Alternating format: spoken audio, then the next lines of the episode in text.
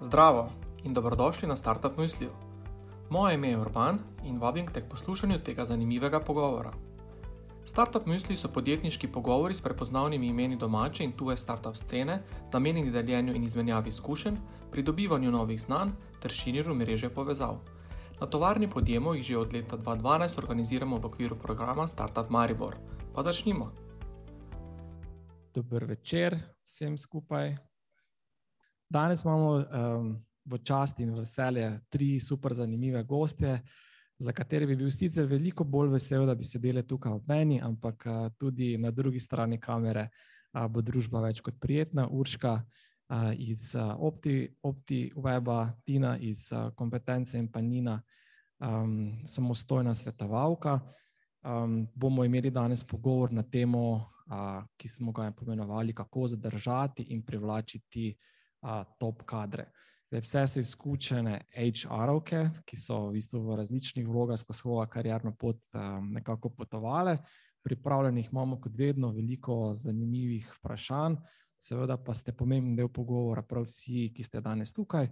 Uh, in želimo si čim več vprašanj, bodi si v čat, bodi si v, um, v, v, v živo, da priklopite mikrofon, vklopite kamero in, zast, in zastavite vprašanje. Uh, Um, zdaj, uh, zelo kratka predstavitev za uvod, se bomo tudi skozi odgovore kasneje spoznali naše gostje. Urška je v HR-ovka OptiWeba, ki je ena izmed vodilnih digitalnih oziroma spletnih agencij v Sloveniji. Um, super rastejo, se razvijajo in so znani po tem, da so, imajo predvsem kadrsko uh, področje res vrhunsko uh, urejeno, za kar je pač zaslužna Urška. Zato, Urška, hvala lepa, da si z nami danes. Tudi ob, večerni, tudi ob tej večerni uri tako nasmejana, da veseli. Moja sojmenjakinja, um, Urška, kako je potekal današnji dan, kakšen je bil začetek leta, mogoče malo za ogrevanje. Mogoče bi sam živel vsem, no, sem tudi jaz pol vesela, da sem tukaj. Mogoče bi te sam za začetek majhen uh, popravila, daleč od tega, da sem jaz zaslužna za, za te naše prakse, ampak res brez krasnih sodelavcev v meni bi bilo ful težko delati. No, tako da um, to za začetek. Kako se je začelo leto? Um, Zelo pozitivno, tako, tako in drugače. Uh, danes smo imeli ravno eno izobraževanje za vodje in smo mogli izpostaviti uh, najbolj pozitivne začetke letošnjega leta. Tako da je moj highlight januarja je bil, da sem po dveh letih, predvsem zaradi razmer po dveh letih, stala spet na smočkah. Tako da je januar bil tudi iz tega vidika nekaj posebnega. Super. Tudi lastnost se mi zdi ena tako splošna, pa me popravi, če se, če se motim. Splošna lastnost se mi zdi uspešnih posameznic, tudi HR oddelka, se mi zdi neka taka skromnost. Tako da um, se mi zdi, da ne rabite biti skromni, ne rabiš biti skromna, ker seveda. Uh, Vemo, da je od sodelavca veliko odvisno, je pa super tudi iz teh tvoje predstavitve veje ta duh uh, in filozofija, ki jo živite, da so sodelavci najpomembnejši element uh, vašega posla. Tako da super. Uh, Hvala, hvala, da si z nami. Um, seveda se um, še kasneje vrnemo. Tina, uh, Tina Kastelic, dobro večer tudi tebi. Živijo, zdravo in lep večer vsem, pozdrav. Evo, Tina uh, se ukvarja prav tako z razvojem, um, razvojem motiviranjem, uh, v bistvu kadrov, skratka s nekim celovitim kadrovskim menedžmentom. Um, Tino, s, s Tino sodelujemo že kar nekaj časa na različnih uh, priložnostih, na različnih področjih. Um, startupi so več kot neka uh, nalož od tega, da so tuja stvar, zato je tehnološka podjetja in pa startupstvo in pa kadri, pomembnost kadrov so um, dobro poznana tematika. Um, Tina, isto vprašanje kot zate, kakšen je bil tvoj začetek uh, leta, kaj se je zanimivega zgodilo? Si tudi ti imela kakšen tak vrhunec, kot je ponovno uh, smutanje ali pa bordanje. Uh, Evo, leto sem začela tudi s smutkanjem v Franciji, tako da popolno, malo podaljšan oddih. Drugač pa pestro, um, ful sem vesela, no, da se je začelo pestro, da je to enih odprtih projektov, enih odprtih tem in da res vidim, da podjetja vlagajo kader, se zavedajo pomen um, kadrov v svojem podjetju, zaposlenih. Tako da um, ne bi mogla ene stvari izpostaviti, več takih, ampak ja, um, super. Super, mogoče už, um, Tina, um, dobro poznaš to področje, svoje podjetje. Koliko je staro tvoje podjetje, da ne bom uh, na pamet? Evo, sedem let um, korakam po svoji podjetniški poti, tako da kompetenca uradno bo poleti, ampak ne uradno, pa zdaj že piham sedmo smečko. Odlično, evo, zato je tudi na sedem polen na našem kaminu, evo, ne morem jih upihniti, ampak evo, super čestitke tudi za ta podjetniški podvig, ne samo za strokovni. A, mogoče zdaj skozi teh sedem let, sedem pravličnih let, ne, ne vem, če so bila toliko pač res. Ne, pregovorno, pravlično, gotovo so bila tudi kakšna težka, težki trenutki, ampak uh, sedem let je relativno kar dolgo časovno obdobje. Kako ti vidiš uh, Eh, razvoj te stroke ali pa dojemanja te stroke pomembnosti uh, iz vidika, iz perspektive podjetij. Skratka, kako podjetja dojemajo resnost uh, uh, uh, strukturirane in strokovne obravnave tega področja. Ja, jaz bom tako rekla, sedem let nazaj, če se spomnimo, je bila ena taka mogoče malo kriza na tem področju. Tako da jaz mislim, da je bilo to eno tako prelomno obdobje, ko so se podjetja mogoče v bistvu prav zaradi tega, ker je bilo tako težko obdobje, zavedala, s kadri se bo pa res začeti treba ukvarjati. In če mogoče je bilo predtem ful veliko izgovorov, pa ne, pa ni časa, pa to je brez veze, pa mogoče tako so videli, kaj se zgodi, če res nekaj časa ne vlagaš v kader, Tako da jaz bi rekla, da je, bilo, da je v bistvu v teh sedmih letih se zelo veliko stvari premaknilo. In če smo se včasih pogovarjali bolj ne samo o financah, um, pa o recimo, da je bila prodaja blazno pomembna, je zdaj poleg tega vidika definitivno kadrovski eden od tistih vidikov, ki je zelo v spredju. In mislim, da se večina podjetij zaveda pomena kadrov, sploh pa zdaj, v zadnjem času, sploh tista podjetja, ki imajo izzive z iskanjem, s pridobivanjem kadrov. Vemo, da um, prav veliko kadrov, ki trenutno išče službo, ni.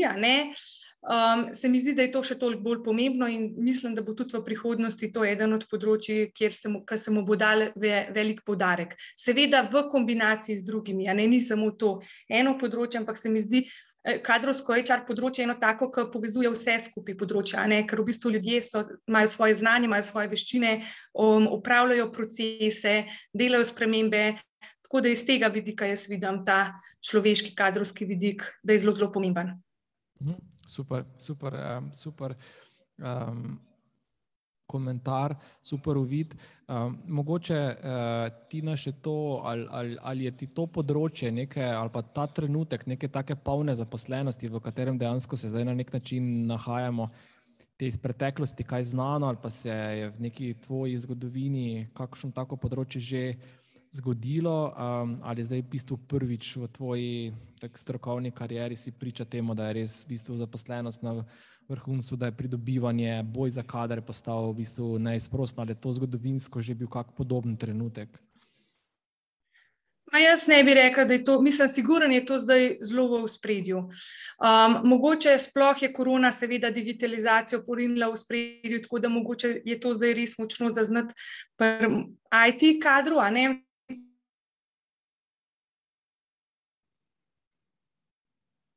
Okay. Tina nam je malo malo zamrznila. Ok, bomo upam, da na čim prej odmrzne. Mogoče kak uh, njen pobalin se priklopil s PlayStationom na internet, pa nadaljeval in prevzel svojo poslovno širino. Uh, Nina, ti si pa z nami, ne? predpostavljam. Yes. Ah, ok, Tina si z nami. Ja, ja, se slišimo. Ja, zdaj se slišimo. Ja, zdaj se slišimo. Aha, um, ok, očitno sem vas jaz slišala, vi pa mene, zgleda ne. Kje smo ostali? Okay, ostali smo pri podobnem trenutku v, iz preteklosti, pa v bistvu v tej koroni, ja. ki je pospešila digitalizacijo in ta boj.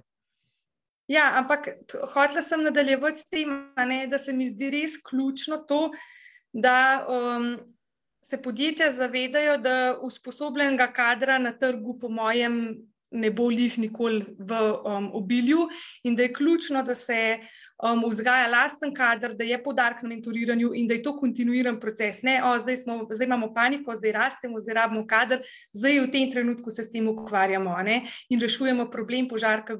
Um, Ki ga je treba pogasiti. Ampak da je to nek kontinuiran um, proces, na katerem je vse čas poudarek, tudi mogoče takrat, ko ni take potrebe po rasti, po kadru, tako da se mi zdi to predvsem pomembno, da je to nek strateški proces, da vemo, kaj želimo komunicirati. Um, in da dajemo temu težo, tudi ko mogoče podjetje ne raste tako intenzivno, no? pa ta mentorstvo, se pravi, da se vzgaja lasten kader in da, um, da se zavedamo, da um, je nerealno pričakovanje, da se bomo spomnili, pa ga bomo potrebovali, da bomo dobili na trgu točen ta kader, ki želim, ga želimo. To je bolj sreča, kot pa mogoče pravilo. Uh -huh, uh -huh. Super, ja, super, uvid, super komentar. Um, hvala za to. Evo, je ostala nam je še Nina. Nina, dobro večer in dobrodošla tudi tebi. Ali se slišimo? Yes, se slišimo. Kako si ti, kako je bil, kakšen je bil tvoj začetek leta? Uh, jaz sem pa um, se preselila na drug konc Slovenije, v hišo, tako da za me je bi bilo novo leto res novo v mnogih pogledih. Tako da lušno, zabavno, sploh prenova, tako da top. Okay, kmalo boš, oziroma si že postala Štajerka, tako da um, dobrodošla. Uh mhm. -huh. Kako? Zavinčanka. Zavinčanka, ok. Ja, dobro, vedno bliže si nam. Tako da um, jaz ti sicer želim, da si tam uh, na tvojem delu v Savinski dolini srečna, ampak kakšen premik, pa tudi mogoče kdaj v prihodnosti na škodi proti Štajerski. Ne? Če ne drugo, na kakšno, na kak vino toč. Skratka, Nina se tudi zgodovino, zgodovinsko ukvarja v različnih vlogah, vedno pa na nek način stiku z kadrovi, kadri, razvojem kadrov, kadrovskim menedžmentom. Um, uh, tako znotraj podjetij, uh, znotraj manjših podjetniških startupov, kot ekip, uh, zdaj pa se v bistvu večino svojega časa posveča razvoju, torej razvoju kadrov kot kadrovska svetovalka um, za razvoj kadrov. Um, Nina, nam lahko malo poveš o tvojem delu. Um, nisem hotel uporabiti tvoje fraze, zato nam daj malo bolj plastično obrazloži, kdaj Nina Pivci pride v podjetje in kakšno vlogo ima tam. Um, ja, ful dobro vprašanje, hvala. Um, pridem v podjetje takrat, ko um, želijo, um, ko vodje ugotovijo, da rabijo um, sistematično začeti spreminjati navade svojih menedžerjev v smislu, ko ugotovijo, da so ljudje res na prvem mestu, ampak da se vse začne pa konča pač pri vodstvu od zgoraj dol. In takrat pridem jaz, uh, trenutno s podjetjem Mitugrov, s katerimi sodelujemo, um, kjer se dejansko čisto sistematično ukvarjamo z spremembo organizacijske kulture, pa leadershipom, um, spreminjanjem, pa uvajanjem novih navad, v bistvu vodenja. Um, vsi vemo, da najboljše ekipe imajo določene, določena urodja, določene pogovore, določene. Um, um, sisteme, procese, ki jih vedno uporabljajo. Problem je pri tem, da v teoriji smo vsi zelo, zelo pametni, um, kaj pa pride do prakse, sploh takrat, ko so stresne situacije, ko imamo deadline, uh, takrat pa hitro pozabimo, moramo, na kakšen način se moramo z svojimi, svojo ekipo pogovarjati. In tle noter pridemo mi um, ki dejansko uvajamo um, nove navade, tako da um, avtomatsko um, vodje na boljši, pa manj konflikten način um, spodbujajo svoje zaposlene. Na kratko. To je, en, e, to je en del. Če pa bi, bi na hitro rekla, bi rekla, pa, da delam svašta, pomagam tudi startupom pri začetkih postavljanja uh, ekip, kjer se premalo zavedajo, kako so pomembne, pa jim pa jaz povem, in tako dalje. Ena analogija z Tininim komentarjem prej, uh, da se podjetja spoznavajo, pa vedno bolj spoznavajo, da ta, bom rekel, upravljanje uh, tega področja. Da je pomembno neko kontinuirano, sistematično delo um, skozi daljše časovno obdobje, ne gašenje, ne gašenje požarov. Uh, ali je pri tem tvojem delu, skratka, leadership, leadership development, uh, pri, pri bistvu zavedanju, kočanju vodstva, je enako, opažaš enako, se tega, kaj vodstva podjetij bolj sistematično, bolj preventivno loteva, ali še to je vedno tako, zdaj smo zrasli, pa zdaj imamo krizo, ljudje nam odhajajo, zdaj pa, treb, zdaj pa kličemo Nino in uh, reši, rešujemo barko. Mislim, nažalost, je mislim, vedno več je tega, da se zavedajo že prej, ampak se mi zdi, da vsak si misli, dokler so rezultati dobri, zakaj bi karkoli spremenili. Tako da malo je takih vodij, ki se od začetka zavedajo, kako so pomembni dejansko ljudje in dobri odnosi in dobro vodstvo in vodenje, in da je to na koncu tisto, kar naredi to spremembo, pač pa to razliko med dobrimi in najboljšimi podjetji. Tako da, mhm. nažalost, bolj pridejo takrat, ko govori.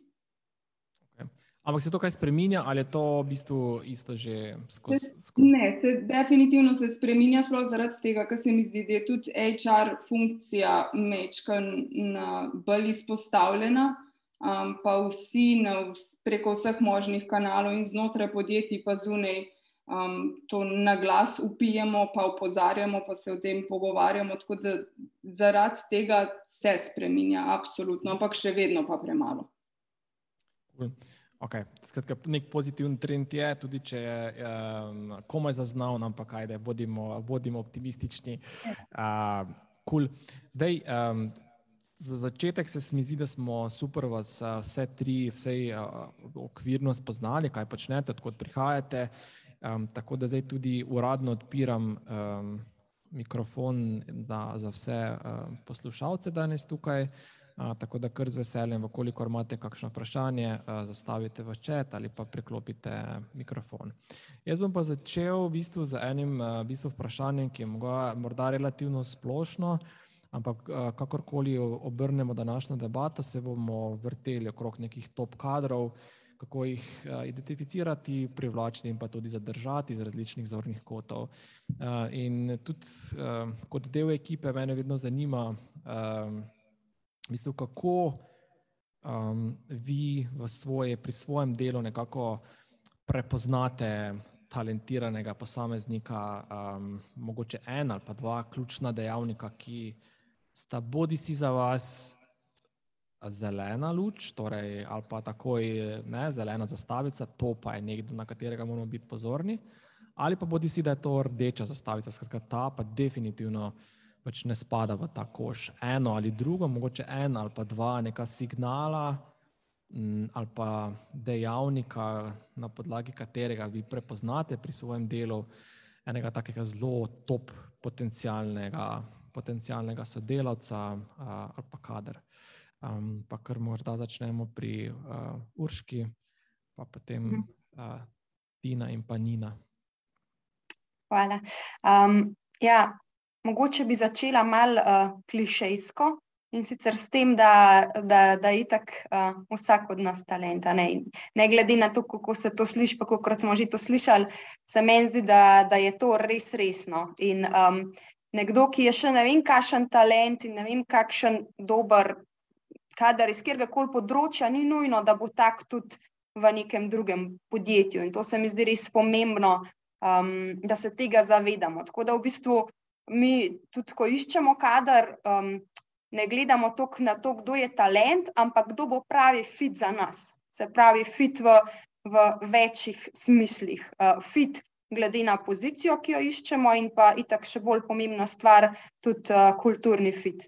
Tako da tukaj, um, če razmišljam, mogoče lahko uh, razdelim sodelavce, ko jih iščemo na, na junior kader, pa na mal bolj senior kader, pa seveda vmes še en kup drugih, ampak če smo mal plastični, recimo pri, kar iščemo pri junior kadru ali pa ne vem, česar se moramo zavedati, je, da do, dobimo običajno nekoga iz fakultete, nekoga res brez izkušenj in talent, ki ga tukaj iščemo, je predvsem neka motivacija, jeklena volja, zagnanost in tudi želja, da bi pri nas delo. Tako kot, kot uh, pogosto slišimo iz športa, talent pač uh, res ni dovolj. Lahko se rodiš s talentom, ampak če ti ne boš gradil na tem in res delal, ti ti talent na koncu ne bo nič pomagal. Tako da pri teh mlajših kadrih se predvsem moramo zavedati, da podjetje more ogromno, ogromno, ogromno časa, znanja, truda uložiti, da bo res to osebo, da se bo ta oseba zgradila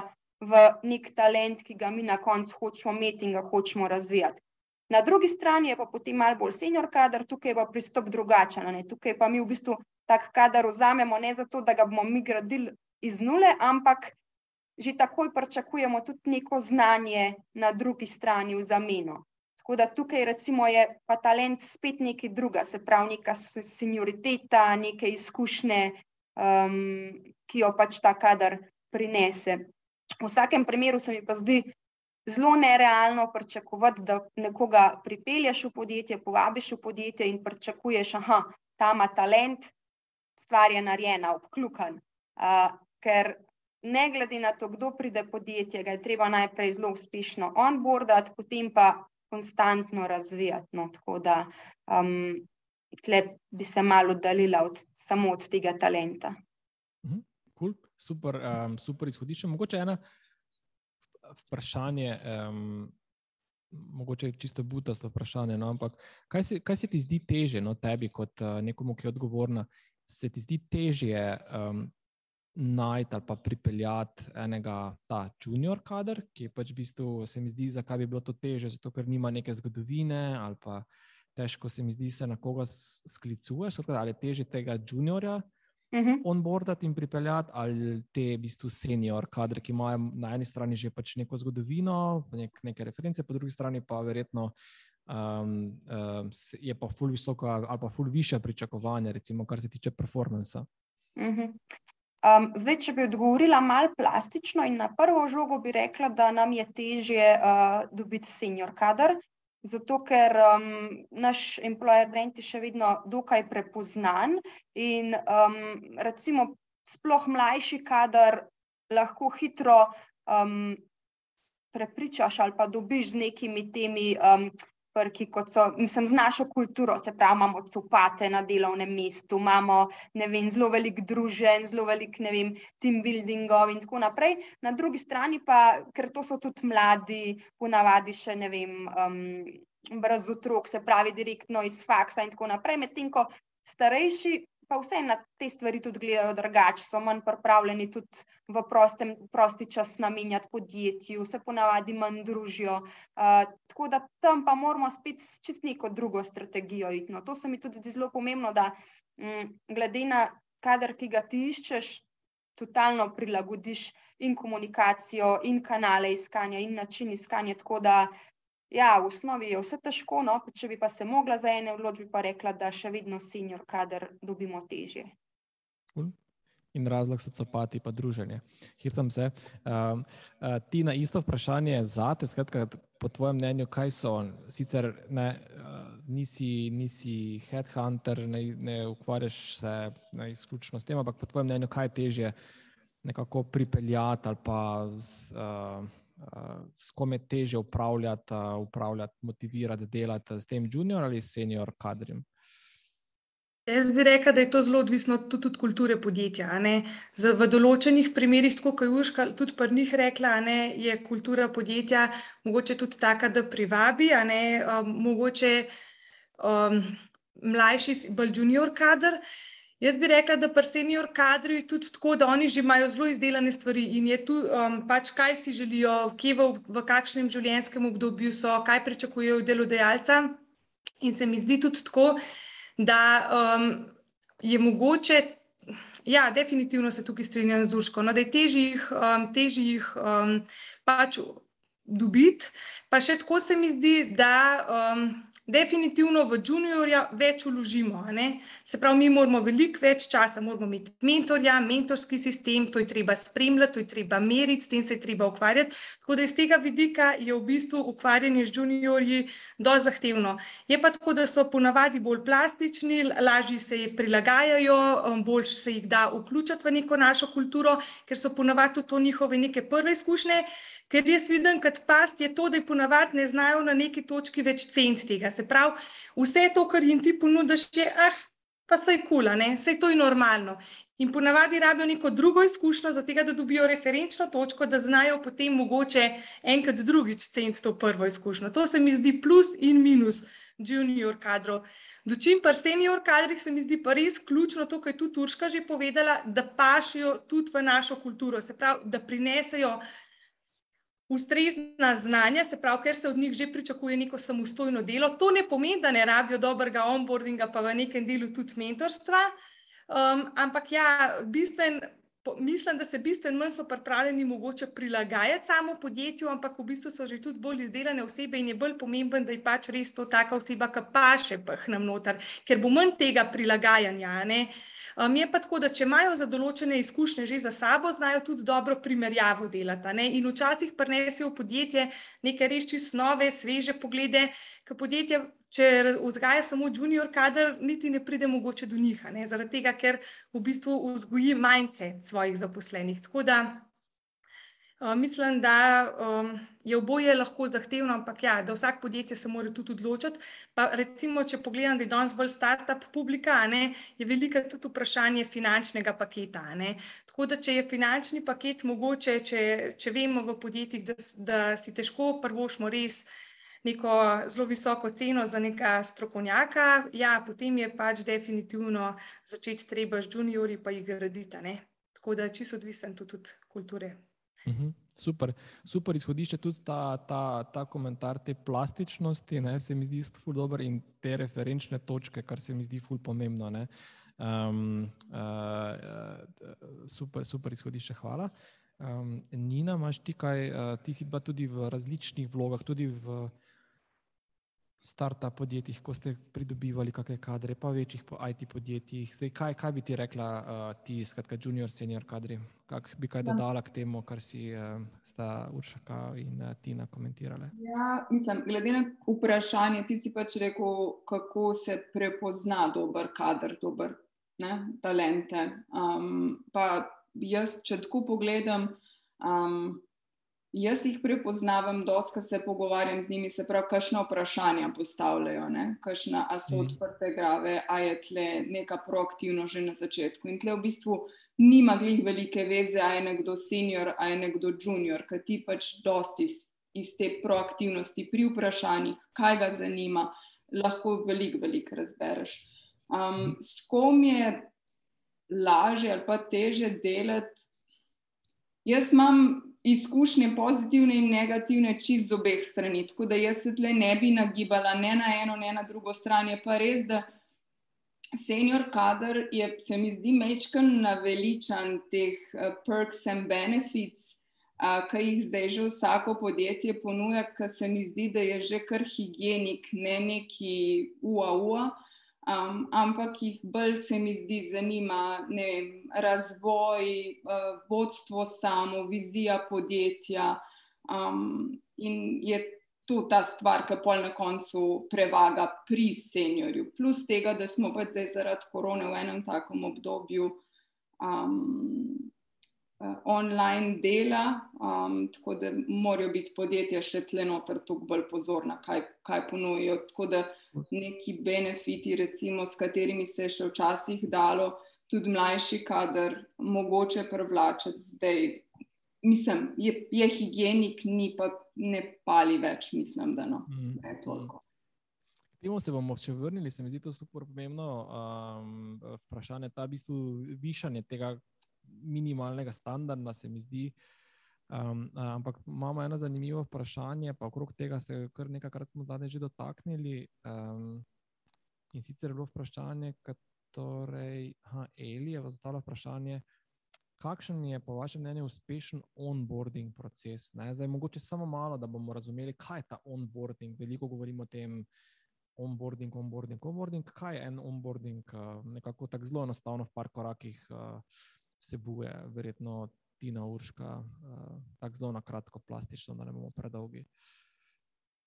Uh, ja, zelo na kratko, onboarding je uvajanje novega zaposlenega oziroma pri nas bi to bolj rekli um, usklajevanje pričakovanj iz obeh strani. Tako da onboarding, mi, mi onboarding jemljemo zelo resno kot, en, kot enega najbolj pomembnih korakov pri zaposlovanju in uvajanju zaposlenega, ker smo res videli iz prakse, če onboarding ni narejen tako, kot je potrebno, zgodba ne more biti ali pa je zelo težko uspešna. No? Tako da mi imamo tukaj res zelo strukturiran um, onboarding, je postal pri nas, kar pomeni, da ima res točno določene korake. Vsak zaposleni, nov zaposleni dobi štiri stebre podpore, en je vodja, en je mentor, en je buddy, en je HR. In vsak od teh uh, stebrov ima svojo funkcijo, ki je razdeljena, popisana. Um, tako, da, tako da, ja, predvsem usklajujemo pričakovanja Eh, redno se dobivamo in gledamo, a mi dobivamo to, kar smo pričakovali, na drugi strani pa ful pomembno, a tudi nov zaposleni dobiva to, kar je pričakoval, a, a, je, a, a mi upravljamo svojo nalogo dobro, ne sam ali on uh, upravlja svojo nalogo. Tako da to čist na kratko. No. Uh -huh. um, Tina, bi še kaj um, enako vprašanje za te dodala? Kako ti gledaš? Ne, mislim, da je mislim, Muška je zelo lepo že, že povzela. Jaz bi predvsem pri onboardingu eno stvar poudarila. Moramo se zavedati, da menjava ali pa vstopanje v neko novo delovno okolje, kljub temu, da gre ponavadi za neko željo, da si mislim, da želimo to, da je nekako prijetno, je to zelo stresna situacija. In posameznik si v taki situaciji želi pokazati sebe v najboljši luči, želi si uspeti. In jaz bi rekla, predvsem pri onboardingu je ključno, da mi postavimo okolje oziroma proces, kot je Juška že nekaj stvari nakazala, ki posamezniku omogoča, da uspe. Ne, omogoča, da se čim bolj uspešno integrira tako v organizacijsko kulturo, spozna sodelavce, razume malo te neformalne odnose, kot na po svojem pač strokovnem področju. Se pravi, da je lahko uspešen, da lahko izkaže, kaj zna, da se lahko dokaže, da se lahko nauči in mogoče tudi ta del psihološke varnosti, da upa vprašati, ko nečesa ne znam. O, fakt, že tretjič sem. Ker mu naj zdaj rečem, izpadel bom totalen kreten. Tako da, ne, da, da upa vprašati, da se res integrira in da se ta zadeva ne ustavi. Sploh bodimo iskreni, določeni mentori so zelo um, odprti ali pa tisti, ki jih sprejemajo in petkrat povejo stvari, določeni pa pač tudi niso taki. Hitro lahko pride do tega um, občutka, da gre to komu malo na živce. Tako da Meni se zdi res zelo pomemben, da je ta proces, ki je Juška povedala, strukturiran za vse zaposlene, čim bolj enak. Se pravi, da ima nek protokol, zaradi tega, ker če prepustimo to vodjem ali pa na splošno zaposleni, se zelo hitro zgodi, da pa en, eden bo imel super izkušnjo. Nekdo bo pa pač naletel na nekoga, ki je sicer mogoče čisto super oseba, ampak ima trenutno lih, lih ful veliko gužvo In pač ta izkušnja ne bo toliko prijetna. In tako kot je Užka rekla, ne, um, če je onboarding uspešen, se bistveno podaljša to, da oseba ostane v podjetju, da je del podjetja dlje časa in da je tudi potem kasneje zadovoljna, uspešna in dosega rezultate, ki si jih želimo. Uh mhm. -huh. Tako da to bi se še mogoče rekla. Urška, si želel kaj dodati? Ja, samo to sem še hotela dodati, uh, to, kaj, kar je Tina govorila o mentorju. Pač en ima lahko srečo, pa ima super mentorja, drug pa ne. Zato se mi zdi tudi ful pomembno, da pač mentor ne more biti vsaka ne? in da moramo v firmi ugotoviti, kdo je primeren za mentorja, kdo pa ne. In tisti, ki so primerni, da jih pač tudi, um, da jim ponudimo ustrezno podporo, jih razvijamo in povemo, v bistvu, kakšne so njihove naloge, in jih podpremo v tem procesu, da ne rečemo nekomu, da ti si pa zdaj mentor tej osebi, pač znajdi se, ampak da, da res tudi za mentorje pripravimo neko podlago, na podlagi kjer potem lahko uh, uspešno delajo ta mentorski proces. Mm, super, pomembno. Pa, pa samo da razumem, zdaj ta. Onboarding se v bistvu začne od trenutka, ko v bistvu nekoga že zaposlite, ne predtem? Uh, v bistvu on, pri nas ima onboarding še offboarding, se pravi predhodno fazo onboardinga, ki se začne takoj potem, ko podpišemo pogodbo. Ne? Ker lih to sem zadnjič na LinkedIn-u napisala eno objavo. V bistvu v Sloveniji je klasični dvomesečni odpovedni rok, kar pomeni, da takrat, ko podpišeš pogodbo, običajno traja dva meseca, da prideš v firmo. In motivacija je na višku v trenutku, ko podpišeš pogodbo. In v dveh mesecih se potem lahko verjetno že ene deset, desetkrat pade in spet naraste. Zato je nam, nam ful pomembno, da tudi ta dva meseca nekako ostanemo v kontaktu z novim zaposlenim, zdaj koliko in do kakšne mere pa mal prepuščamo tudi kandidatu. Ne, imajo, ne vem, ful gužva v službi, pa bi radi v miru zaključili, pa se nočijo še vključiti v novo službo, hočejo pač zdaj biti lepo ali pa tam. Nekateri, kar je večina, si pa želijo čim več informacij, ful biti že vključeni na neformalna druženja in tako naprej. Tako da tukaj moramo biti tudi malo odprti, da nam novi zaposleni povejo, do, do kje. Zdaj, um, eno vprašanje za te, Urška, oziroma tudi za, za Tino, ki pri tem aktivno sodeluje, pa seveda tudi Nino, ki je bila v prejšnji svoji um, vlogi aktivna v tej službi, oziroma v tej vlogi. IT kadri, kot so že rečeni, so super izziv. Če bi zdaj imeli koliko 5000 IT-jevcev, bi verjetno razprodali v narekovajih rečeno. Ne? Mm, zdaj, kako se poslužujete, katerih metod se poslužujete pri iskanju tega super iskanega kadra? So tu kakšne skrivnosti, kakšni triki, ali gre preprosto za to, kar ste že nekako v začetku dejali, neko sistematično delo, prepoznavnost podjetja, blagovne znamke, ugled na tem področju. Kaj bi rekli? Če Nina začnemo, pa potem Tina in pa Urška. Jaz, ki nisem več aktivna tle noter. um, ja, um, mislim, Sej, mislim, da je tudi en komentar. Pač problem je, da um, vsi se zavedajo, da vsa podjetja, ki iščejo IT kadre, se zavedajo, da vsa podjetja iščejo IT kadre in dober IT kader se zaveda, da jih vsi hočemo. Ne? Se pravi, to je, to je itak dejstvo. In kaj pol prevaga? To je to, kar smo prej mogoče tudi začeli. Zdaj, vse, vsi ti perksi, pa benefiti, pa ne vem kaj je sploh za, za dober IT kader, za, za, pa ni važno, ali so juniori ali so seniori, ampak pač tisti, ki so dobri, pa ki hočejo nekaj delati, ki ne pridijo dejansko samo v službo. In je to super, da je, ampak tudi če ne bi bilo. Se pravi, vsem tem je veliko več vredno, na kakšnem projektu bo delal, kakšen challenge je to za njega, kaj novega se bo naučil, kakšno, v kakšno okolje je prišel, a je to okolje, kjer pač bo mogel nekoga poslušati, ali bo lahko sam kaj zraven ustvarjal. Tako da tle noter, definitivno um, so vodje, jaz mislim, pr, sploh pri selekcijskem procesu. HR, seveda, ne vem, postavil neke okvirje in je zraven, in vse, ampak morajo biti vodje zelo uh, vključeni tle noter, ker na koncu so oni tisti, ki bodo delali s to osebo, in oni tisti, ki vsaj po mojih izkušnjah, skoraj vedno um, prepričajo ali pa so tista zadnja um, češenca na, na vrhu, za katero se pol nekdo odloči, da bo pa prišel v podjetje. Zanimivo je, super. Mm, Tina? Evo, ne bom se ponavljala za ta vonina, z vsem se strinjam in bi rekla točno to. Jaz bi mogoče šla eno drugo stvar malo osvetlila um, in sicer se mi zdi, da smo vse navajeni nekih klasičnih metod iskanja.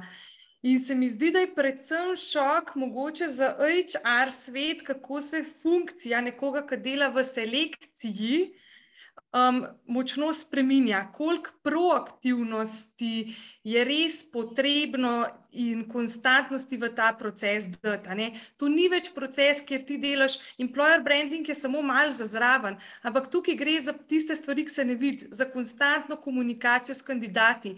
Tukaj gre za to, ne kaj mi govorimo, da delamo za blagovno znamko, ampak kakšen odnos imamo mi z ljudmi, ki jih mogoče ne zberemo na določeno mesto, um, kako, kako se mi vedemo se pravi, kakšno, kako tudi zaključujemo z zaposlenimi, se pravi, puščamo odprta vrata ali ne puščamo odprta vrata, kaj zaposlenih so delali, mogoče govorijo od nas in tudi ta proaktivnost. Se pravi, zadnjič, ko smo imeli ta onboarding proces, smo gostili tudi eno headhunterko, ki je lepo povedala. Jaz dnevno sem v stiku z ljudmi na LinkedIn-u, jim pišem, aj že trenutek, kdaj te lahko spet kontaktiram. In to je ratov brutalno mesarsko klanje, v katerem, po mojem, um, se določeni sploh ne zavedajo, kako je to. Tako da tukaj treba bistveno več proaktivnosti, kot smo jo navajeni, čarovci. Ne? ne samo objaviti nek oglas in čakati, ok, prijavi, malo filtrirati, ok, še zaposleni, mogoče kažem, pozna kakšnega kolega, Ampak, ko se začne ta proces hitre rasti, ki res rabiš več kadra, ki ni dovolj samo en IT-ovc, ampak jih rabiš več in več, ne, je treba res sistematičen pristop in zelo, zelo, zelo veliko proaktivnosti, um, pa predvsem dopiljena komunikacija in proces um, s kandidati. Tako da um, to je po moje tista stvar, ki je mogoče malo skrita, pa ki, jo, um, ki je zdaj um, zelo močno prisotna. No? Vmena si dve vprašanji, ki sem jih tudi jaz imel med vprašanji. Eno je LinkedIn in drugo je ta employer branding. Tega, se mi zdi, da se ta beseda employer branding poza, pojavlja v zadnjih let, ne, letu, dveh, mogoče vsaj jaz se nisem prej tako intenzivno zaznal. Zdaj pa to kar postala ena tako močna tema, s katero se kar naenkrat veliko ljudi ukvarja. Zdaj, mogoče kaj to employer branding je. In zdaj LinkedIn kot headhunting odrodje, je to zdaj postalo ta glavni vir, ali je mogoče to še vedno pač en izmed.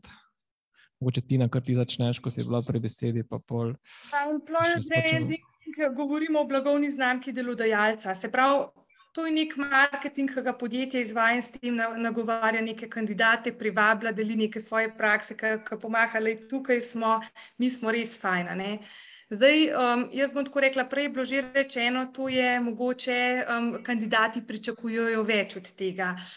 Ja, je res, sploh v IT-ju, se pa treba zavedati, da pač um, ni v vseh podjetjih tako. Se pravi, kar se IT, v IT podjetjih zdi kot čist samoumevno, mogoče v kakšnih proizvodnih podjetjih smo še zelo daleč od tega. Tako da se mi zdi vsem, da to ni kar neki, pa tako čistko. In pri employer brandingu bi jaz predvsem eno stvar rekla. Ne? In tudi prej sem videla en komentar. Če se tega ne živi v praksi, dosežemo kontraefekt, ker so ljudje užaljeni ker jih izkoriščamo za to, da pač govorimo, kako je fajn, v podjetju pa oni tega niso deležni. In v bistvu je treba biti zelo pozoren, da se pač ustrezno to tudi na noter, um, noter implementira, da je del tega prisoten. Seveda lahko mi neko mašnico na vrh naredimo, pa majhen šajni, šajni, ampak more, v bistvu mora biti pa to res nekaj, kar podjetje verjame in kar tudi so zaposleni deležni. Se pravi, drugač ta wow efekt po procesu onboardinga, pa mentorstva gre in pridemo na realna tla. In tak človek, če mi ne bomo izpolnili pričakovanj, bo šel. Ne glede, koliko imamo mi močen employer branding. In ni hudič, ne moreš prvabiti to kandidatov, da bi to lahko zamaskiral.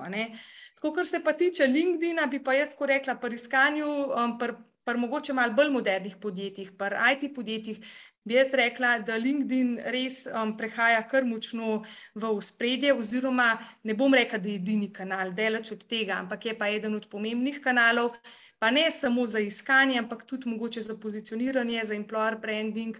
Pač enostavno so podjetja tukaj aktivna.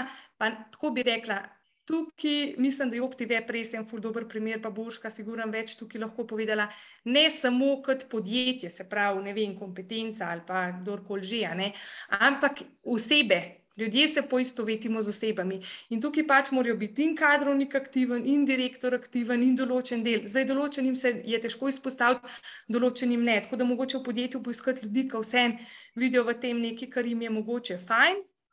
Tako da ja, tukaj je v bistvu zelo veliko konstantnega dela, tudi LinkedIn ni urodje, ki samo takrat, ko ga rabiš, um, je, ampak je treba biti kar konstantno aktiven. No? Sej, mislim, da mi bo še katera dopolnila. Urška, bila si odzvana, izvana, tako da kaj bi še dopolnila? Mogoče tukaj še kar vprašanje, kaj, kje še iščete, poleg LinkedIn, recimo software developerje. Uh -huh. Aha, evo, lih je uh, Darja je dala en, en, en dober uh, predlog, GitHub, recimo kot, kot en, uh, en tak mal bolj inovativen način. Um, drugače pa, ja, če se mečkaj vrnem na employer branding, uh, to so definitivno stvari, čeprav si jih kdo predstavlja, ne, da je employer branding, pa zdaj bomo pa mečkaj pa nekam šli, pa se imeli fajn, pa bomo pa objavili na Facebooku to je daleč od tega. Employer branding je konkretna stvar, strategijo z aktivnostmi, z ogromno vloženega časa, truda, res celotne firme. To ni stvar enega človeka, to se mora vključiti res cel ekosistem, moraš imeti v firmi zgrajen, da je lahko taka um, zgodba uspešna, pa celostna. Um, tako kot je Tina omenila, no, pri nas recimo sigurno večina od vas pozna našega direktorja Mihala Avtorja, ki je sigurno en izmed bolj vidnih ljudi, recimo na LinkedIn-u. In, jaz, in ko gre časa v ta LinkedIn, je po mojem si niti sam ne upa um, šteti ur, ker, ker to, to res ni tako, da mal, tako mal za zraven delaš zvečer, preden greš spat, kaj napišeš. Ampak, um, ampak je to, koliko je pa v bistvu, kakšen je pa benefit tega. No, to je pa tisto, kar šteje, ker praktično vsak kandidat, ki pride k nam, reče: Spremljam Miha na LinkedIn, sem prebral tole od Miha, sem videl to. In Miha je tudi s fulimi povezan, klepeta in pošle kakšen, le tole pa zdaj iščemo. In um, ta, ta gradna, ta res tek na dolge proge se definitivno obrestuje. No. Tako da recimo za nas je LinkedIn ful pomemben kanal, tako um, preko osebnih brendov in um, recimo Mihovega, mojega in še ostalih kot tudi za direktno pridobivanje kan, kadra, povezovanje, headhuntanje na, na koncu. No. Um, pa bi se mogoče sam še malo navezala, prej smo že govorili o selekcijskem postopku. Se mi zdi, da tukaj tudi, um, da naš selekcijski postopek je, je v bistvu fajn in ima mogoče um, določene elemente, ki, ki nam zelo dobro um, ki prinašajo zelo dobre rezultate. Uh, to je um, en delček, je recimo ta, da, da pač pri kadrovanju se res trudimo, da je za to enako vrednost kandidata in nas. Jaz se spomnim še časov, ne vem, mogoče osem let nazaj, ko je bilo podjetje, podjetje je bilo pa takrat um, tam blizu Bogane, ki se pravi res full, uh, full uh, nad kandidatom v bistvu ta odnos je zdaj čist, čist drugačen. Pač gre za čisto enakovreden odnos, za izmenjavo mnen, vprašanj. Ne gre za to, da kadrovik sprašuje kandidata, ampak res uh, je ta komunikacija zelo boje stranska. Uh, eh, mi se trudimo, da je celotna ta zaposlitvena izkušnja, da je res izkušnja. Se pravi, od tega povabila, ki ga dobiš, je majčken posebno, čisto vseh skrivnosti ne bom izdala, uh, do, do ne vem, potem um, tekom po selekciji, recimo tisti kandidati, ki pridejo najdlje, dobijo personalizirano darilo in pismo v zahvalo, do tega, da tisti, ki pridejo najdlje, dobijo tudi vprašalnik, s katerim jim, jih prosimo, da nam še pomagajo izboljšati izkušnjo in tukaj recimo dobivamo zelo pozitivne feedbacke nazaj, kljub, kljub temu, da je bil kandidat na koncu zavrnjen. Um, Pa, kar pa se mi zdi ful pomembna stvar, tukaj tudi Tina rekla, res konstantno navezovanje vezi, iskanje novih, eh, vzpostavljanje povezav. Kar se mi zdi ful pomembno je, da ko ti z nekom zaključiš selekcijo, da, da ne rečeš, ok, adijo, nisi primeren za to delovno mesto, ampak ok, zdaj se nismo najdel, kdaj bi se pa lahko, kje bi se pa lahko in da iz tega pač gradiš bazo. In ta naša baza kandidatov je zdaj že ful široka. V lanskem letu smo 20% vseh pozicij zapolnili direktno iz baze in lahko si predstavljate, kakšen prihranek časa in posledično denarja je to. Na drugi strani pa se mi zdi, da res vsakmu kandidatu, ki ga ponovno kontaktiraš, ful velik pomeni. No, hvala, ker ste se spomnili name, to pa res, to pa res dobro. Tako da, evo, to mogoče. Cool. Nina, če se malo vrnem še k tebi, um, rekla si tudi, um, da si bila v preteklosti tudi za soočena, um, oziroma da delaš tudi za start-upi občasno, ali pa si delala.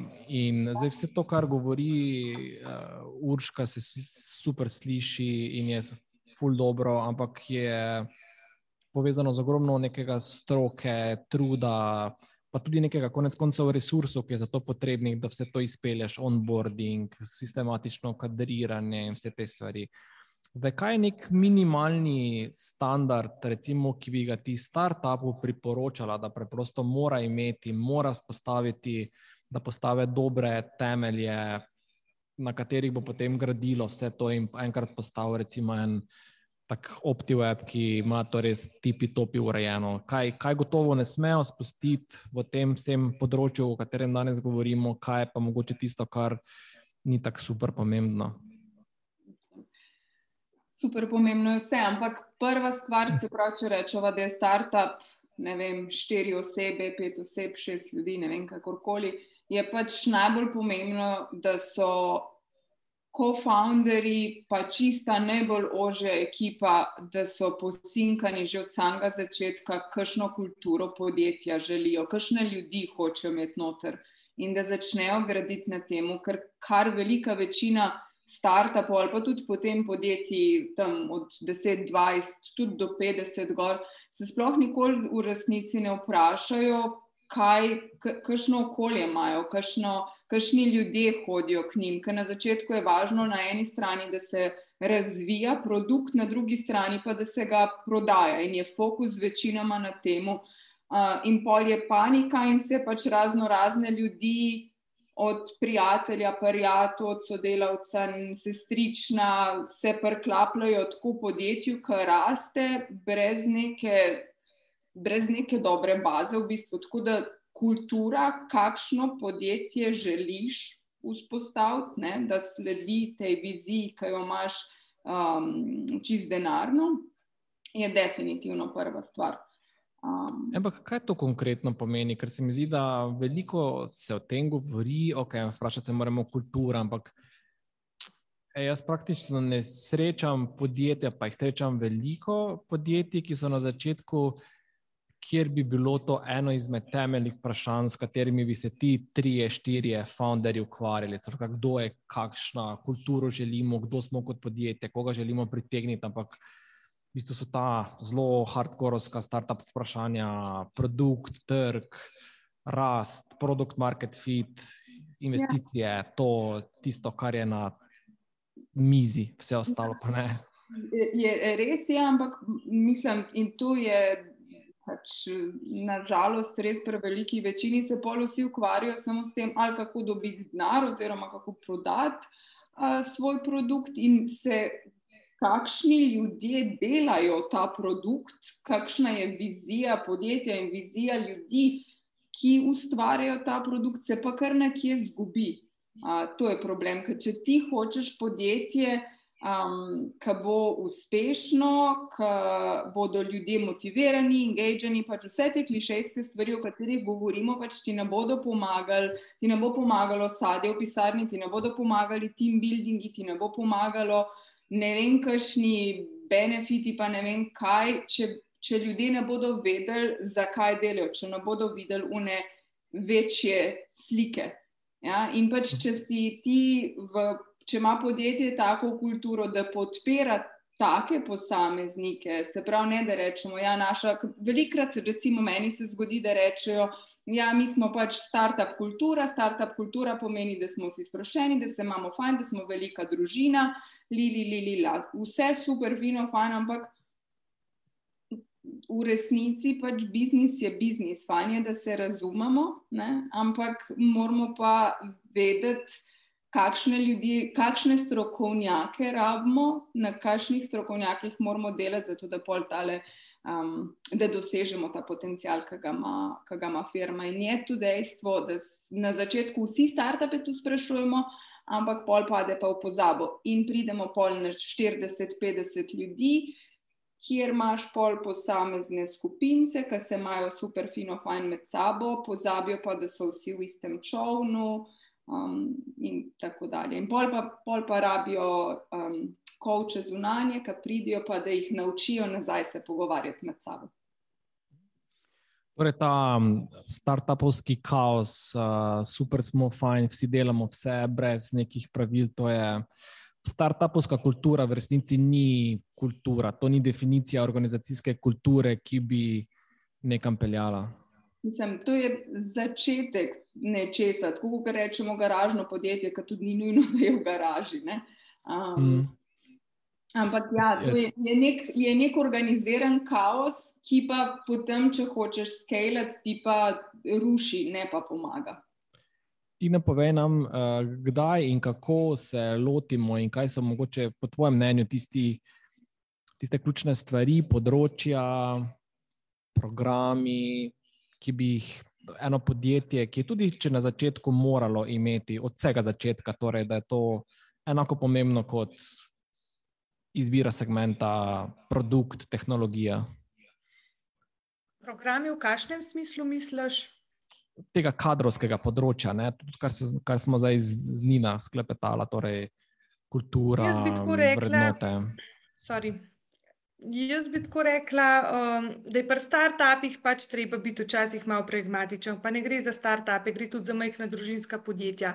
In jaz bom rekla, da tam, po moje, dokler meni se zdi ena taka prelomnica, saj ko jaz delam s podjetji, pri storitvenih podjetjih, okoli 15, pri proizvodnih podjetjih pa med nekje majhen več, ker je vse ta proizvodni del, bi rekla, tam okrog 30.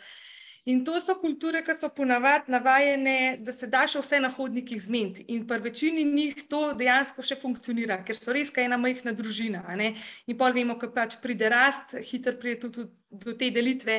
Jaz se rada pohecam do staroseljcev, ki pol začnejo jamrati, da ni več tako, kot je bilo na začetku, ko so bili ena velika družina, pa teh ta, ta novih, ki pridejo, ambicioznih, ki so vse uničili pa pokvarili. Ampak tako je, to je praksa, tako pač je. Ne moramo si mi prvo ščiti, ker imamo pač deset ljudi, da bo en HR-ovc. Jaz predvsem mislim tako, da pač mora en to funkcijo malo posvojiti. Zdaj, je to ponavadi je tudi mogoče to eden od founderjev, ki jim je to blizu, a ne, pa je direktor, pa še ljudi na razgovore povab in da, da mogoče tudi nismo tako obremenjeni s perfekcijo, ok, rekli so, da rabimo to, pa to, pa to. Ampak da, da probamo mogoče, če kadrujemo enega človeka na let, da se tam res potrudiš, da pač pomisliš, kako bi bilo tebi najboljše, če bi tebe kadrovali. In pač, ja, ne bo popolno, ne boš delal celega onboarding procesa, ampak da v tisti fazi pomisliš, ok, zdaj bomo človeka uvajali, kaj bi bilo fajn, da, zakaj, da poskrbimo. Ne? In v tistem trenutku, včasih mogoče, ja, ne bo popoln proces ali pa ne bo še strukturiran proces, ampak bomo pa dali poudarek. Se pravi, definitivno se mi zdi ta del onboardinga, da se oseba vključi v to našo malo družinico ali pa v neko našo podjetje. Mentorstvo, se pravi, da ga usposobimo. Jaz mi rečem, ustvarimo pogoje, vse potrebne, da človeku rata. Še zmeri ni nujen, da mu bo, mogoče mu ne bo. Ampak da ima vse od sebe, da mu bo ratal. Zaradi tega, ker prvič je za nas, pa za podjetje to fulfajn, drugič pa tudi za človeka. Zdaj včasih pač fejlamo nič hudega, ne? tako da in potem ponoviš vajo. Tako da potem pa tudi stvar raste. In se mi zdi tudi ta oseben stik, pa interakcija, da se pogovarjamo o potrebah, kaj nekoga potrebuje in ta individualen pristop, ker je mogoče v majhnih podjetjih bistveno lažje, kot v večjih, ki rabiš sistematiko. Ampak z individualnim pristopom se v podjetju, kjer je deset ljudi, da velik narediti. Ti imaš za vsak mu je cajt na kavo, ga vprašaš, kaj te motivira, kaj ti je všeč v podjetju, a kaj predlagaš. In je bistveno to lažje od ljudi zvabiti, ki jih je enkrat 50, zaradi tega, ker ene prezreš greš, ker ne greš več vsakmu na kavo. Tako da bi vsem tako rekla, pač v start-up svetu. Ja, ne boste mogoče imeli kadrovnika, ampak ja, ukvarjajte se s procesi, ki so v tistem trenutku za vas pomembni, pa vzemite si za ljudi čas, da veste pri ljudeh, kaj jih motivira, kaj si želijo, kam si želijo pa da imate nek ta feedback od njihove strani. Potem pa seveda, ko podjetje raste, tako kot je Nina rekla, potem se pa uvaja sistematika, treba je stvari postaviti in enkrat zrastemo do te točke, da tudi nekdo profesionalno prevzame HR funkcijo. Ampak pač. Um, Žal ne živimo v popolnem svetu in včasih je treba sklepati kompromise. No? Da, jaz mislim, da je treba biti tukaj življenjski, človeški, pa pač pragmatičen, glede na situacijo, v kateri smo. Super, super odgovor, super na svet. Hvala za to. Um, zdaj, ne moremo se izogniti, tudi ko smo pri HR debatah, tudi tej organizacijski kulturi in pa remote delu. In, uh, tukaj je eno izmed vprašanj um, v, v četu, kakšen na svet, kako v podjetjih s pretežno remote delom ustvariti povezavo med sodelavci in ohranjati in graditi to v bistvu organizacijsko kulturo, ko je nekdo celo čisto kadriran in bil onboardan na remote, ki nikoli niti ni stopil uh, praga, prestopil praga pisarne in spoznal sodelavce v živo. kakšni namigi tukaj, uh, ideje. Um, Urška, imate vi kak tak primer, ko, nekdo, ko ste nekoga spoznali, ga zaposlili, popolnoma remote in ga še sploh niste v živo srečali? Ja, dejansko smo in to je tako skeri. res. Um, za nas, kjer nam je res tako kultura, uh, ful pomembna in res smo se res veliko družili, je to bilo tako, kar malo. Nismo bili čisto um, komfortabli s tem. No? Ampak uh, mogoče eh, ravno danes sem razmišljala, da ko smo šli na to remote kulturo, ki je tudi pri nas zdaj prevladojoča, je še veliko težje za tiste, ki imajo um, izkušnjo prejšnje kulture, kot pa za te, ki dejansko pridejo v tako kulturo. Ne? Tako da uh, se mi zdi, da imajo dost uh, večje, večje izzive uh, tisti, ki, ki so staroseljci, ki, so, ki vejo, kako je bilo čas. Um, Kako smo po službi šli, ne vem, na kakšno pijačo, pa kaj vse je bilo, zdaj pa tega ni več. Tako da um, nam je sigurno delo ful, ful uteženo. Meni men kot HR-u, zdaj, ko smo sicer pri nas v firmi, še vedno smo tudi zdaj kar dost prisotni, no, tako da ni, da se sploh ne bi videli, imamo pa tudi sodelavci, s katerimi se sploh ne vidimo. Tako da tukaj um, bi spet rekla, če so stvari strukturirane, če so recimo tudi, tudi ko pride nov zaposleni, če so jasna pravila, kaj je vloga od koga, potem tudi nov zaposleni ni izgubljen, ker recimo pri nas mentor ima točno jasna navodila, kaj on more delati, eh, postavimo onboarding plan, točno ve, katere kljubce more narediti in potem tak, neka naloga seveda zahteva, da se s tem novim zaposlenim dobita. Sicer uh, online, ampak dobita pa se. Na drugi strani ima tudi Badi za nalogo, da more v prvem dnevu osebo kontaktirati, jo pozdraviti, lepo sprejeti in se v prvem tednu s to osebo tudi dobiti. Zdaj ali virtualno ali živo, valjda ful boljše v živo, ampak če to ni možno, uh, se to naredi virtualno. Tako da pri nas eno glavnih teh tudi komunikacijskih urodij je, je Slack, ki nam zadeve ful ulajša, že prej smo ga ful uporabljali, zdaj ga uporabljamo še več, um, itak Zoom vsak dan in drug, razna druga tako komunikacijska urodja. Uh, ampak ja, no, moramo biti kreativni in iskati drugačne načine, uh, kako se povezati. Moram pa reči, da mi kar nekako ohranjamo to, da, da se kar še malo živo dobivamo. No na srečo spet skozi več. Da, um, ja. Bo vedno to pa nas, pri nas prisotno, no, kljub temu, da imamo neki sodelavcev, pa tudi, ki so čist, čist remote in se potem tudi tega ne udeležijo. Hm. Mogoče tu tudi eno vprašanje zanimivo. Imate občutek, da so pri teh sodelavcih, ki so na remote, manjši občutek pripadnosti? Um, kako ta občutek pripadnosti okay, krepiti, to si že malo nagovorili, ampak ta občutek pripadnosti, na kak način imate kako metodo, da merite to, ali je to preprosto tako bolj po feelingu? Hmm, ne bi tukaj posplošvala, no, um, da, da, da, da je to um, nujno eno z drugim povezano.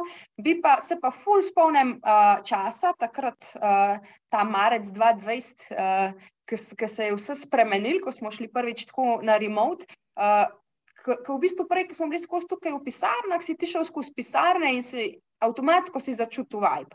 Zdaj, a, to, a, so, a so vsi bili neki v svojem, ali je neko mravlišče bilo, pač videl si, kaj se dogaja. Lahko si šel do človeka in rekel, hej, kaj zdaj, um, ful neki danes, um, si slabe volje, vse ok pač potem to ni bilo več mogoče. In recimo nam se je ravno takrat, v tistem obdobju, potem poletje 2020, je bilo kar veliko odpovedi. In jaz vem, verjamem, da tudi zaradi tega, ker uh, ko se ti vdališ tudi iz prostora fizično, se mal uh, ohladi vse skupaj, tako kot um, ta ljubezen nadaljavo, um, tudi, tudi teže funkcionira.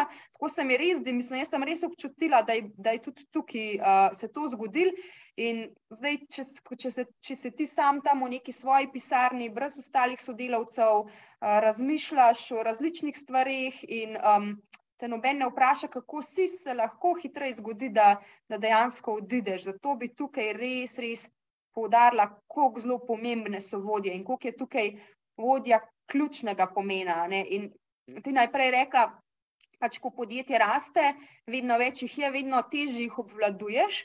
Um, meni se zdi, da se to reši na en tak zelo enostaven način. Pač večja kot je ekipa, več ima tudi vodja. Ne? In vedno bo vodja imela pač tak je cilj, neko manjšo enoto. In naloga vodje je, da to manjšo enoto res dobro pozna, da v vsakem trenutku ve, kje je oseba, kako se počuti, kakšna je njegova motivacija, kaj se z njim dogaja, privatno in službeno. Ne? In danes, je, danes smo imeli en izobraževanje in en sodelovec, ful dobro rekel, rekel je, kako je že rekel, um, da, da je v bistvu uh, komunikacija vodje do zaposlenih oziroma to. Um, Komunikacija z njimi ja, mora biti tako kot umivanje zob, dvakrat na dan, po tri minute. Um, sej ni, ni v praksi čistko, ampak se mi, mi je bilo pa tako res pol dobro. No. Tako da tukaj imajo vodje res tak, tak velik pomen. Jaz kot HR 70 ljudi, ma nimam šanse, da vem, kaj se dogaja v podjetju. Ni, ni realno.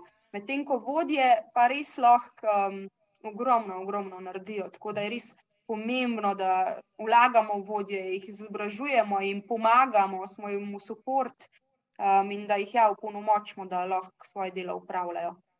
Malo sem zaplavala, ne vem točno, kje se je začel. Ne, ne, ne, super, super. Nisi ta pomen vodi. Uh, tukaj tudi pridemo, mogoče Nina, na, na te se še malo se vrnemo vodje. Uh, kaj so mogoče tiste stvari, s katerimi se, ali pa izzivi, s katerimi se vodje na te obračajo, na katerih kompetenc uh, um, tehnik, um, kje imajo največji manjko, um, kje jim najbolj pomagaš. Mogoče je tudi ta diskrepanca med tem, kjer oni mislijo, da, jim, uh, da potrebujejo pomoč ali pa da imajo manjko, in med tem, kjer v resnici imajo. Mogoče ta um, v tej luči pomembnosti vodi, je, o kateri je um, Urška govorila. Mislim, to, jaz se z Urško tlenoter definitivno 100% strinjam. Ena HR dejansko dobiva um, na, na neki pomembnosti skozi zadnja leta, to je definitivno, ampak se mi pa zdi, da, da um, v velikih podjetjih, ki pa imajo HR, mogoče celo mečkan balojačan, se pa vse, kar od HR-a pričakuje in se dejansko pozablja, da kogarkoli obrnemo, HR lahko postavi najboljše procese, lahko sodeluje, lahko je opet, ampak če imaš ti veliko podjetje, tako kot je Urška rekla, pač je nemogoče, da poznaš vse ljudi, zato so vodje toliko pomembni.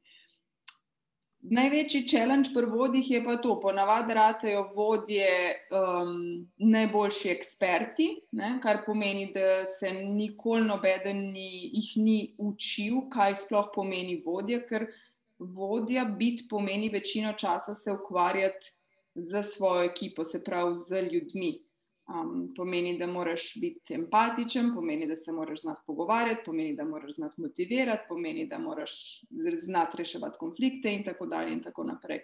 In zdaj nekdo, ki je super, najboljši ekspert v vem, ali programiranju, ali pa prodaji, ali pa ne vem čemu, in se ne zna, in se nikoli ni ukvarjal na tak način z ljudmi, pač svoje ekipe v v težkih trenutkih ali pa v stresnih trenutkih ne bo znal na ta prav način um, motivirati. Oziroma, kar se pa lahko zgodi, je, da ima vsak vodja um, svoj način in imamo pol znotraj podjetja vrtičke. Tako da, um, kje, kje mi pridemo, kje jaz pridem, je dejansko, da, da v podjetje.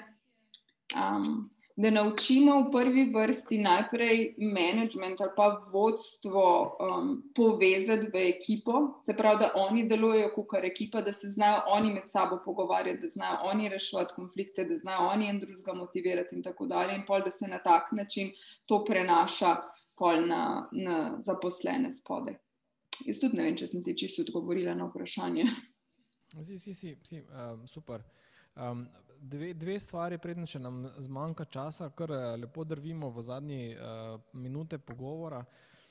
Um, in sicer po, uh, tukaj je bilo, mislim, da je vprašala Eli, uh, kako motivirate mentorje, torej um, in motivacija mentorja. Skratka, Urška pomen, omenila si kot enega izmed teh stebrov, ne, da je tudi mentor. Mentori, zadolžitev mentorja je neko dodatno delo. Um, za zaposlenega, konec koncev, poleg tega, kar mm. on upravlja. V bistvu, kako motivirati mentorja, da zauzeto opravlja svoje delo? Mm. Ja, um, za mentorstvo je definitivno potrebno rezervirati čas. Zdaj, tukaj um, ne bom olepševala, to je zelo težko, zato ker tisti, ki so mentori, so ponavadi tudi najboljši v, v določeni nalogi. Tako da imajo ponavadi poleg svojega uh, stoprocentnega delovnika, pa na koncu še mentorstvo. Tako da tukaj se trudimo, da bi to spremenili, ne uspe nam pa vedno. Tako da občasno to še ustane, no, da so mentori, itak tisti, ki so mentori, so še toliko bolj obremenjeni. Um, tako da je pa še ena stvar in sicer pri nas tudi uh, imamo kompetenčni model oziroma smo v, v čist finalni fazi postavljena kompetenčnega modela, kjer ima mit in senior kader obvezo biti mentor. Kot sem prej rekla, ni za mentorstvo primeren čisto vsak, Je pa na drugi strani naloga uh, podjetja, se pravi, vodi kadrovske, da mentorja tudi usposob in da mu nud izobraževanja, um, da ga izobrazna kompetenca, ki jih mogoče še nima. No. Tako da uh, na eni strani to od senior kadra pričakujemo, da predaja uh, znanje naprej, zdaj ali na čiste novince, ali potem na tiste, ki so že nekaj časa z nami. Na drugi strani je pa naša odgovornost, odgovornost vodstva, da jim pa zagotovimo ustrezne kompetence, da to lahko delajo. Zdaj, kako jih motiviramo? Prav, da bi rekla, da je neko, neka posebna motivacija, ki bi jo imeli, ni. Finančno mentori samo iz tega naslova niso nagrajeni. Um, nagrajeni so bolj na način, da, da so ponavadi to mit pa senior kader, kar pomeni, da imajo že uh, avtomatsko višjo plačo. Posebnih nagrad za to nimamo predvidenih. Um, razen tako pač, če vidimo, da je nekdo res velikrat mentor, ga potem ne, recimo enkratno nagradimo, tako čist mal dodatno. Um, ja, drugače pa marsikomu se to tudi zdi nek, nek um, statusna stvar. Je pa dejstvo, da za mentorstvo ni, ni motiviran vsak in če pa nekomu res vidimo, da res ne steče, se mi zdi pa tudi pomembno, da ga ne silimo v to, no, ker na koncu ne bo noben zadovoljen, ne mentor, ne mentoriranc. In dobi tudi mentor taki več, da je mentor, ali je to pač bolj nekako neformalno, da je nekdo mentor? Veš, je, vse, je v vašem podjetju uh, vsem znano, kdo so mentori? So to nek, veš, je to neka ne, nalepka, ki jo nekdo ima, ali je to bolj skozi neko pač, neformalno kulturo se spostavi ta nekoga vloga mentorja. Mhm. Zdaj, prav, da bi imeli neke posebne veže, oziroma nekje zapisan, kdo so mentori, nimamo. Je pa res, da skozi prakso no, se pa v bistvu pojavljajo vedno eni in isti. Tako da vseeno bi rekla, da je bolj to neformalno kot formalno. Mm. Cool. Zdaj pa še mogoče eno zadnjo vprašanje eh, ali pa zadnji krok, eh, glede na to, da nam zmanjkuje časa. Zdaj, danes smo pokrili veliko področji, ki bi morali eh, ali pa ki jim je vredno, pomembno posvetiti pozornosti. Ne? Onboardinga, motiviranja, mentoriranja, sistematičnega razvoja vodstvenega kadra, vodi, skratka, cel kup nekih stvari bi bilo super v enem idealnem svetu, da počnete in tudi nekaj je podjetij, ki se temu idealu zelo približujete. Eh, zdaj, eh, mogoče tudi Tina Urška, kako planirati eh, sredstva recimo za ta kadrovsko področje. Ne? Zdaj recimo pri marketingu je, obstajajo neke formule, da ti pač del vem, prihodkov nameniš za recimo glaš, marketing recimo ali kakšna podobna formula za to kadrovsko področje, oziroma na kak način vi dodeljujete ali pa raz, dode, ja, dodeljujete resurse tej funkciji, je, um, ker verjetno zgornja meja je samo nebo, ne, kaj vse bi lahko počeli uh, na tem kadrovskem področju. In če bi Urška tebe vprašali, kaj vse bi dala v letni načrt dela, bi verjetno uh, Miha lahko cel budžet namenil samo tvoji funkciji. Ne? Ker mogoče urška ti pa potem k tini skoči. Um, ja, rav, ravno to, kot si rekel. Um, Mrzikaj bi lahko, mi smo že, mi imamo uh, letno strateško planiranje, ki ga jemljemo zelo resno in stvari. Uh, zelo resno tudi eh, za celo leto splaniramo vnaprej, vsako področje, po ciljih, področjih, časovnicah, vse. In uh, ravno letos smo se spet uh, igrali s tem, da bi tudi HR zelo natančno, ne samo po ciljih, splanirali, ampak tudi, al, ampak tudi finančno. Ampak smo se uh, zopet odločili, da tega ne bomo naredili, ravno zaradi tega, ker um, je, recimo, čist, če vzamemo konkretno team building. Um, mi, ko planiramo team building, nikoli. Um, mogoče to, mislim, ni prav. Ampak nikoli ne reče, ali pa Miha, ali pa kdorkoli drug, naša Ana, naša uh, finančnica, nikoli ne reče, ne vem, 3000 evrov imate na voljo, splanirajte v tem budžetu. Ampak splaniramo najboljš glede na cilj, ki ga hočemo doseči, ali pa tudi glede na trenutne razmere, glede na trenutno vzdušje. Zdaj ne vem, lahko se glede na vzdušje odločimo, da zdaj pa rabimo iti za dva dni nekam spejmo, prespimo, se lahko nažuramo, naslednji dan, da, da še naslednji dan izkoristimo. In normalno, da se pač potem precej poveča v primerjavi uh, s tem, če bi se odločili za enodnevni building, team building. Tako da um, v resnici teh stvari ne planiramo naprej, finančno, pač vsebinsko imamo vse splaniran, finančno pa ne.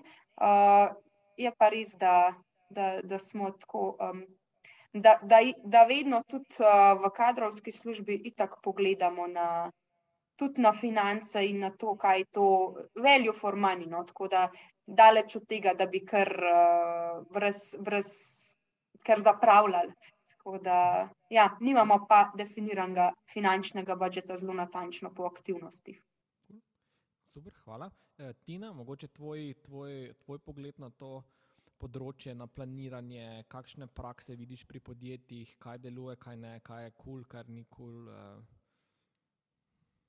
Jaz sodelujem z veliko velik podjetji, pa nisem še videla kakšne čudežne formule, tako le se pa budžet za HR računa. Uh, Predvsem zaradi tega, ker se mi zdi ful nepredvidljiv, a ne um, iz vidika, ker ne veš točno, kakšno še imeti smo trenutku potrebe, stvari se spreminjajo, mogoče lahko nek ključen fokus dorečeš, do kje bo tisto leto, ampak se mi zdi, kot je Jurška rekla, da je tukaj treba se res mogoče prilagajati situaciji pa ljudem, ki so.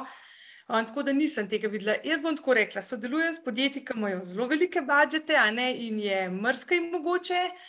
Sodelujem pa tudi s podjetji, ki imajo zelo majhne in omejene budžete, pa ki se zelo malo stvari, recimo, da pol realizirati. In jaz zmeri vsakmu podjetju rečem, ne. Bistvo je, da imaš ti dolgoročni cilj, kam želiš priti. Lahko do tja tečeš z velikimi koraki in zelo hitro prideš na cilj. Lahko pa, v bistvu, um, lahko pa v bistvu z majhnimi koraki v nekem srednjem roku prideš do tega cilja. Tako da Sam, da so vsi koraki v isto smer. Največja napaka, ki jo jaz mogoče vidim, je to, da okay, probamo nekaj, ni to čisto, kot smo hoteli, vse obupamo, probamo eno drugo stvar, pa spet ni to čisto, kot smo hoteli, in potem v bistvu skačemo levo, pa desno, v bistvu smo pa na mestu in se nič resnično tako ne premakne. Ne? Če pa ti v mojih, ne vem, recimo, si zadaš, da boš um, meril neke stvari ali pa da boš imel bolj usposobljene vodje in konstantno po majhnih korakih greš v neko smer um, se pa da mrskaj narediti. No? Tako da, kar se budžeta tiče, bi jaz tako rekla, pa tudi v bistvu. Um, prej je Nina rekla, da če ti usposabljaš vodje, ne, mogoče, lahko, ne, uh, ja, mogoče lahko začneš, ne vem, rečeš, ok, bomo mi majhen sami, pa kakšen e-learning, pa vidiš, da ne dela, pa potem greš v kakšen trening, pa, pa vidiš, ok, rabimo še več, pa greš v coaching, ki se v bistvu vse stopnjuje v isto smer. Tako da um, mislim, da je tudi ful odvisen od nekih zmožnosti podjetja. Sem pa videla eno stvar, ne?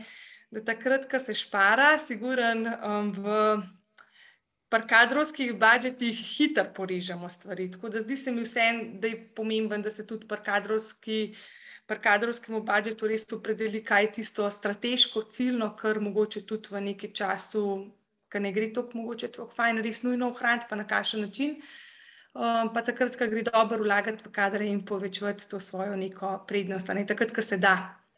Takrat pa časa ni. Tako da vedno imamo izgovore in to je vedno izziv. Ampak treba je, um, treba je um, zato pa fajn, da imaš nekoga, ki o tem razmišlja in ki je mal ambasador v podjetju, pa poriva te stvari, ima jih naprej, da balansira med tem časom in denarjem um, med različnimi obdobji. No. Mm, super vidi se, Tina, da imaš ogromno z različnimi podjetji, z različnimi programi izkušenj. Da, uh, to kar žari iz tebe. Uh, super, hvala. Uh, Nina, tu še bilo eno vprašanje za te, ki je tudi bilo vezano na ta leadership, na vodje. Eli sprašuje, kakšne izobraževanja se ti zdijo, da so mogoče največji, naredijo največji impact za dobre vodje. Verjetno programov je ogromno na tem področju, leadership je tudi kar en buzzword postal, kaj bi mogoče bila ena stvar, en program, pristop, ki bi ga ti nekako poleg tega, da pokličejo tebe. Ne, omenila kot tisto, kar, v kar se splača investirati, oziroma ta ne, impact, cost-benefit uh, uh, priporočilo. Mislim, vele, da bom jaz tega, ker jaz delam. Ampak ne, jaz ogromno dobrih programov je, absolutno, in ogromno strokovnjakov imamo, ki so pač, ki res pokrivajo svega in svašta in se znajo ukvarjati z različnimi vodji, z različnimi uh, challenge. Največji, največji problem pri vsem tem je, da izobraževanje traja ponavadi par dni zaporedoma ali pa par ur, ne vem, enkrat na mesec, in takrat so vsi navdušeni in vsi se strinjajo in vsi se spomnijo, da je točno, ja, to, tu bi mogel, ja, to je pa ful dobro, to je pa ful dobro. In pol pride situacija, naslednji dan, čez en teden, ker dejansko to uporablja in vidi da je res dobro, da se pogovarja s svojimi sodelavci, da je fajn, kdaj koga pohvaliti, pa take, dosti klišejske v bistvu stvari. Največji challenge je pol takrat, kot sem že prej rekla. Kadar je stresna situacija, kadar so deadlini, kadar pride do konfliktov med uh, kakšnimi uh, oddelki, in takrat ponavadi vodja pač odreagira tako, kot je navaden, po pač starih navadah. Tako da za moje pojme, uh, najboljši programi, in tle noter sem tudi jaz, ja, tako da malo bom naredila reklame, so pač ti, ki spremenijo navade. Pač tako je. Um, ne moreš ti, če, če bi bilo tako enostavno, mislim, da tle verjetno je velika večina. Uh, tukaj prisotnih prebrala po LinkedIn poste, knjige o leadershipu, ne vem kaj. In če bi bilo tako enostavno spremeniti, pol bi pač vsi prebrali eno knjigo in bi bilo to tone ampak so od zadaj je pa naša glava, pa, pa avtomatizem, pa avtopilot, pa navade in tako da se je tega treba lotiti sistematično. Ej, eno tako zelo praktično vprašanje, ki me zanima, recimo, ne, eh, da je moja vem, navada, da recimo eksplodiram o tem, če pač nekaj ni ok narejeno. Ne.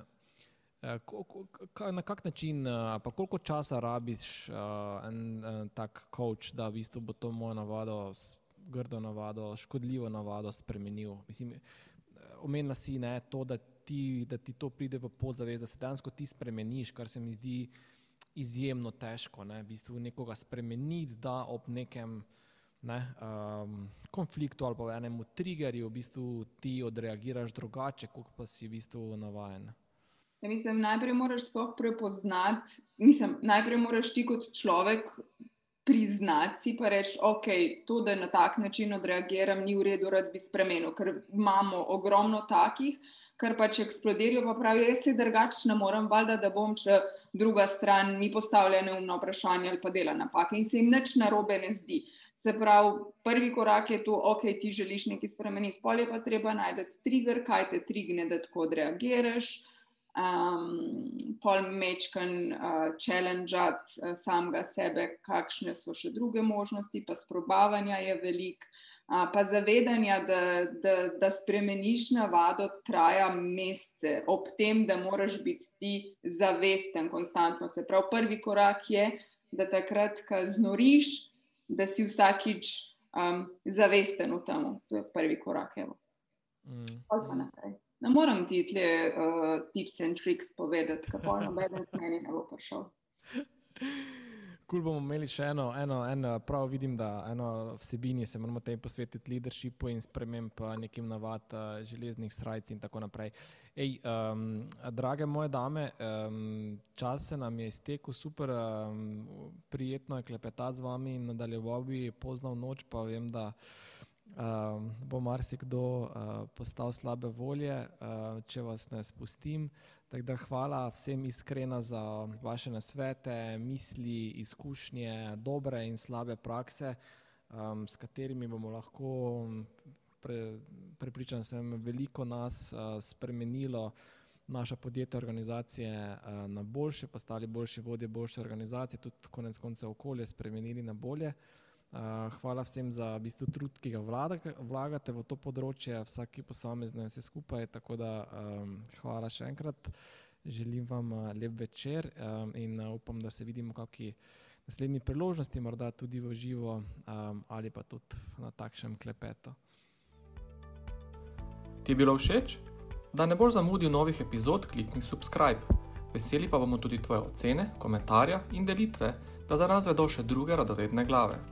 Pobrskaj po naši bogati zbirki pogovorov, gotovo se v njej skriva še kaj zate. Se slišimo?